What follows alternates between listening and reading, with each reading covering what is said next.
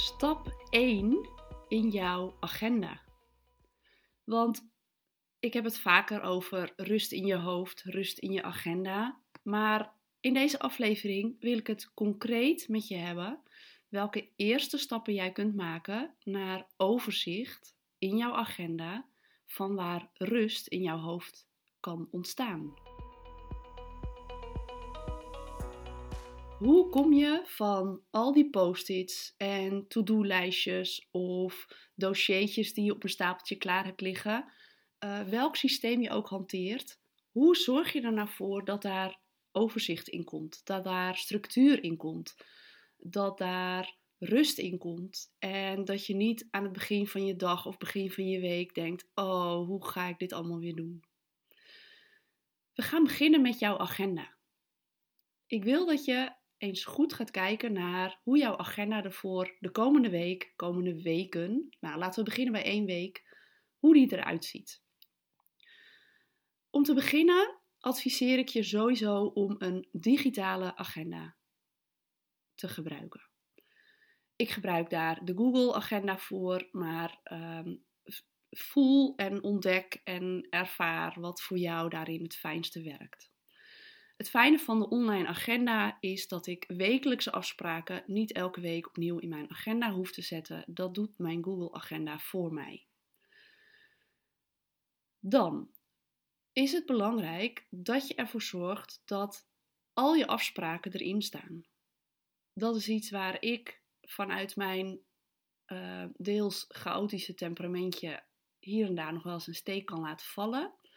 Maar het helpt mij enorm om alles erin te zetten. Dus ook de rugby van de kinderen, ook het uurtje sportschool voor mezelf, de tandarts, nou, noem alles maar op. Maar ik zet alles in één agenda. Ik heb niet, zoals ik dat een aantal jaren terug had, een privé en een zakelijke agenda. Want op het moment dat je wat uh, verschuift in de ene agenda, dan had ik weer een crash met de andere agenda. Nou, dat werkt dus niet. Dus zorg dat alle afspraken die je hebt in één agenda staan, waardoor je overzicht creëert.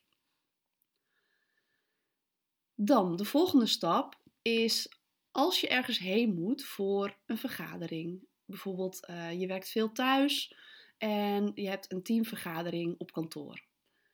Zet dan ook de reistijden in jouw agenda. Dus een blokje voor en een blokje na deze afspraak. En nou, zo had ik afgelopen donderdag bijvoorbeeld een, uh, een trainingsdag. En wat zet ik daar dan in? Nou, dan kijk ik naar de reistijd. Ik zet ook het adres erin. Ik ontving ook, ik ging dus zelf naar een training, even tussen haakjes. Um, ik ontving ook een beschrijving waarin stond daar parkeer je en daar is de locatie. Die beschrijving zet ik in de omschrijving in mijn agenda, zodat ik werkelijk alles verzamel op één plek. Je kunt ook denken aan, ik moet niet vergeten X, Y of Z mee te nemen. Of, uh, nou ja, weet je, een, agenda bijvoorbeeld. Als het niet iets heel groots is, dan hoef je dus niet een apart document of een apart uh, je laptop mee te nemen voor, de, voor het meenemen van de agenda of het uitprinten of nou, noem het op. Zorg ervoor dat werkelijk alles voor die afspraak in je agenda staat dan hoef je niet last minute te denken: oh, wat was dat adres ook alweer? Goh, hoe lang is dat eigenlijk rijden? Oh, eventueel file. Uh, um, wat moest ik ook weer meenemen? Uh, waar had ik ook alweer de uitnodiging ontvangen? Was dat via een uh, tool van mijn werk? Was dat via WhatsApp? Was dat in mijn mail? Dan hoef je dus niet meer te zoeken. Op het moment dat je de uitnodiging krijgt voor een training of een uitnodiging voor een, um, een vergadering of noem het op, dan zet je alles wat je daarover eventueel nog later terug zou willen zoeken, zet je in je agenda. Dus um, locatie, reistijd, al dat soort dingen plan je in je agenda in. Dan is de volgende stap eventuele voorbereiding of nawerk van, nou bijvoorbeeld die teamvergadering. Is er iets wat je nog moet voorbereiden voor die betreffende vergadering? Is er een input die jij wil inbrengen? Is er iets wat, waarvan jij opdracht hebt gekregen om dat voor te bereiden? En is dat handig om dat een uurtje voordat je vertrekt in te plannen? Of een aantal dagen vooraf, of zelfs een aantal weken vooraf. Denk aan dat je bijvoorbeeld de vraag hebt gekregen: Goh, wil jij de lunch verzorgen? Uh, valt waarschijnlijk niet onder je takenpakket, maar gewoon even als voorbeeld. Um, wanneer moet ik dat dan voorbereiden? Is dat twee weken van tevoren, zodat ik de cateraar kan bellen, zodat ik even de prijzen kan checken en even eventuele allergieën, noem het op. Um, en dan plan je die dus ook in in je agenda. En ook na diezelfde vergadering heb je dan nog tijd nodig, verwerkingstijd van de actiepunten die jij hebt op je lijstje na die vergadering. Wanneer doe je dat? Doe je dat direct na de vergadering of de dag erna? Het liefst als het uh, nog vers is, dan kost het je vaak ook weinig tijd en energie om erover na te denken, omdat je dan niet hoeft terug te halen van, oh ja, wat moest ik ook weer precies doen? Dus ook dat soort dingen zet je in je agenda. En dan nodig ik je uit, als je die stappen gedaan hebt, om een groot vel papier te pakken en daarop op te schrijven wat jouw to-do's zijn, wat er op jouw post-it staat. En wil ik je vragen om die te gaan clusteren tot hoofdtaak of meerdere hoofdtaken. Om daar een beetje orde in te scheppen, kan het heel nuttig zijn om eens te kijken naar jouw functieomschrijving in jouw contract bijvoorbeeld. Of ook een aantal uh, punten te pakken die jouw aandacht vragen na jouw laatste functioneringsgesprek. Zo geef je richting in wat zijn eigenlijk mijn functies? Wat zijn eigenlijk mijn taken? Wat hoort bij mijn functie? Om misschien ook te ontdekken wat hoort er eigenlijk helemaal niet bij mijn functie, om daarin ook duidelijker kaders te gaan stellen, grenzen te gaan stellen. Zo, ja, laten we even dat uitstapje maken. Zo sprak ik laatst een uh, pleegzorgmedewerker die was om een pleeggezin te ontlasten. Uh, alles te aan het regelen rondom het aanvragen van een ID-bewijs voor een pleegkind. Nou weet ik dat je daar wellicht een taak in hebt om uh, een handtekening van de voogd te regelen of een handtekening van ouders te regelen, zodat pleegouders dit kunnen aanvragen. Uh, maar dat is dan ook het enige wat je daarin zou kunnen doen. Nou, om dit voorbeeld nou eens verder uit te werken naar, maar hoe kun je dit soort dingen nou clusteren? Um, richting de zomervakantie of wellicht ook de meivakantie zijn er veel gezinnen die op vakantie gaan. Dus je kunt erop wachten dat je hier en daar een mailtje of een telefoontje krijgt. Goh, ik heb een nieuw identiteitsbewijs nodig voor ons pleegkind. Of we hebben toestemming van de voogd nodig om naar het buitenland op vakantie te gaan. Nou, dat. En op het moment dat je dat laat gaan, is dat iets wat steeds opnieuw, week na week, voor elk pleeggezin iedere keer op een ander moment je aandacht vraagt, waardoor je er iets mee moet. En dit zou je kunnen organiseren door bijvoorbeeld vroeg in het voorjaar al de pleeggezinnen die jij onder je vleugels hebt een mail te sturen. Um, sowieso adviseer ik je om mails te sturen met een duidelijke omschrijving. Dus bijvoorbeeld ID-bewijzen en toestemmingen buitenland. Ehm, zodat ze weten dat jouw mail over twee dingen gaat. En in die mail zou je dan kunnen zetten: Willen jullie komende week laten weten of er de komende maanden, komende zomer, een nieuwe identiteitskaart nodig is voor je pleegkind? Of dat er nog toestemmingen voor het buitenlandse reizen nodig zijn. Mocht je nog niet helemaal weten welke datum het is, geef dan gewoon even de datum van de hele zomervakantie aan. En als de bestemming nog niet duidelijk is, zeg dan even bestemming Europa. Vaak als mensen buiten Europa op vakantie gaan, dan plannen ze dat echt wel wat verder vooraf. Dus daarin is vaak wel duidelijkheid. En op het moment dat je dat mailtje stuurt en daar ook een duidelijke deadline in zet, krijg je dus al die aanvragen in één keer. En kun je die in één keer bij, op de plek leggen waar ze horen, namelijk bij um, uh, Bureau Jeugdzorg ik blijf altijd bureau jeugdzorg zeggen. Dat is de eerste naam waarmee ik kennis maakte met dat bureau. Maar nu is het jeugd- en gezinshulp. Of iets in die uh, trant. Nou ja, dat boeit verder niet. Je weet wat ik bedoel. Ehm, dan kun je in één keer en tijdig de aanvraag voor al die pleeggezinnen daar neerleggen. Je kunt als tussenstapje wellicht nog even een reminder sturen naar de mensen die niet gereageerd hebben. En ook even nadrukkelijk vragen of ze in ieder geval even reageren op je mail als ze niks van je nodig hebben. Maar dan heb je die werkzaamheden geclusterd en georganiseerd, waardoor het je zo min mogelijk aan tijd kost. En waardoor het ook zo min mogelijk gedoe kost als het last minute is. Want bij uh, jeugd en gezin is het nogal druk. Of hebben ze nogal een uh, tekort aan handjes.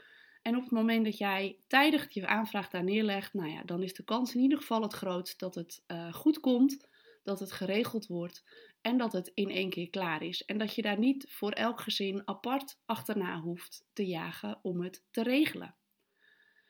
Maar met clusteren bedoel ik ook dat je bijvoorbeeld wat administratieve taken bundelt. Dus uh, je doet een aanvraag voor therapie X voor pleegkind Y. Uh, je hebt nog wat administratieve taken rondom de pleeggezinnen die je hebt. Uh, jij bent meer thuis in jouw vakgebied. Ik weet natuurlijk wel het een en ander over jouw vakgebied, maar die hele diepgang in welke taken daar specifiek liggen, dat weet ik niet allemaal. Maar um, zo kan ik me voorstellen dat daar wel een rode lijn in zit. En op het moment dat je die achter elkaar verwerkt, kost het je vaak veel minder tijd en aandacht. En worden het uh, geclusterde blokken, geclusterde taken, de rode lijnen in jouw werk, de hoofdtaken in jouw werk. En op het moment dat je dat clustert en je zet daarvoor weer terug naar jouw agenda, een blok voor in je agenda, bijvoorbeeld maandag tussen 10 en 12 ga ik dat doen, dan kost het jou vaak minder tijd, minder energie. En omdat je in, die, in jouw agenda die ruimte hebt gecreëerd om die taken ook echt in één keer door te gaan, um, zorgt dat voor rust. Voor rust in je agenda. Je hebt dat geblokt. Er kan niet iemand anders, want um, mogelijkerwijs dat binnen jouw organisatie jouw teamleider um, afspraken of uh, vergaderingen in jouw agenda kan plannen dan staat het maar in je agenda. En dan weet je zelf, maar ook je teamleider, precies wat je wanneer aan het doen bent. Je hoeft ook niet in andere tools bij te houden wat heb ik nou eigenlijk allemaal gedaan, want dat moet je misschien verantwoorden.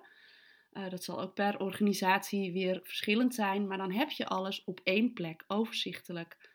En weet je ook wat je gaat doen en wanneer. En doordat je alles in je agenda inplant, kun je ook niks vergeten. En hoef je niet op zondagavond, als er een belletje gaat rinkelen en denkt: Oh, kak, maar ik moet nog. Nee, het staat allemaal in je agenda. Je hoeft ook niet na te denken wat je gaat doen. Maar de belangrijkste is natuurlijk wel dat je je vervolgens aan je agenda gaat houden. Dat is een van de valkuilen van vooral het sanguinische type die hier en daar impulsief nog best wel eens wat kan afwijken van agenda's, van ach, het komt toch wel goed.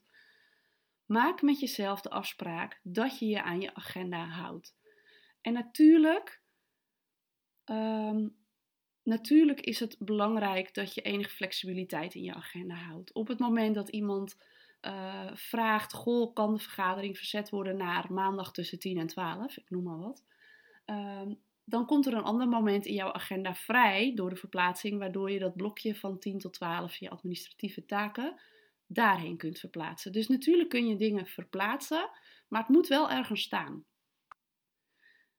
Um, zijn er nog dingetjes die ik daarin vergeten ben? Ja, het is belangrijk dat je kritisch kijkt naar hoe lang je bezig bent met bijvoorbeeld die vergadering, met een koffieafspraak met uh, een belangrijk persoon uh, voor jouw functie. Of tussendoor heb je een privéafspraak omdat de dakgoot lekt, ik noem maar even wat. Um, en uh, binnen het gezin hebben we jullie afgesproken dat jij dat gaat organiseren, dat jij dat gaat regelen en je hebt daar even een telefonische afspraak over. Of je bent thuis aan het werk en er komt iemand even een kijkje nemen hoe het eruit ziet om in te schatten hoe dat een en ander geregeld en gefixt kan worden. Dan plan je dat ook in in je agenda, maar kader dat ook. Dus dat hoeft niet langer te duren dan, nou, kwartier, max half uur. Dus zorg ervoor dat als het een praatgrage loodgieter is, dat je het inkadert. Dat je zegt, zo laat heb ik weer een afspraak, dus laten we even, hup, tjak, to the point.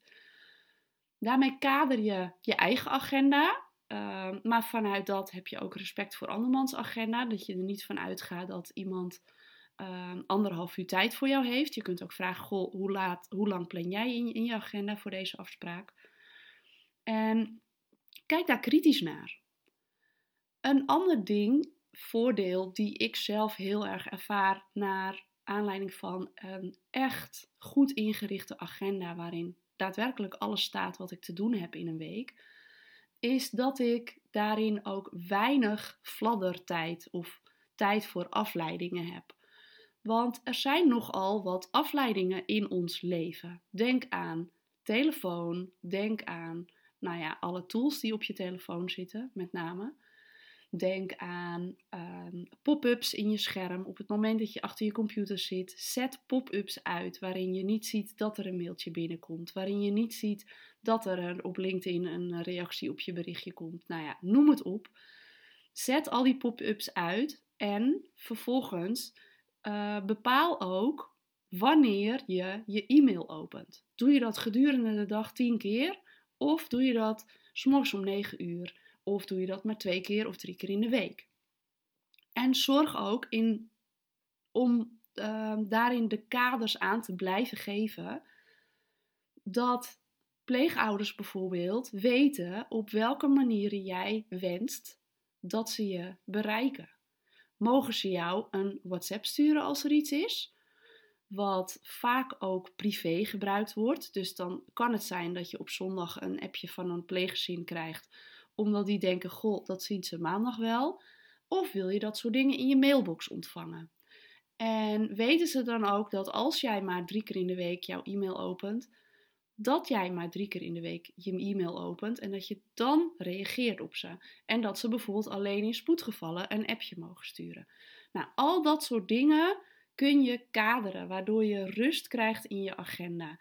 Maar het begint met zorgen voor een goed ingerichte agenda en je houden aan de structuur die je daarmee neerzet.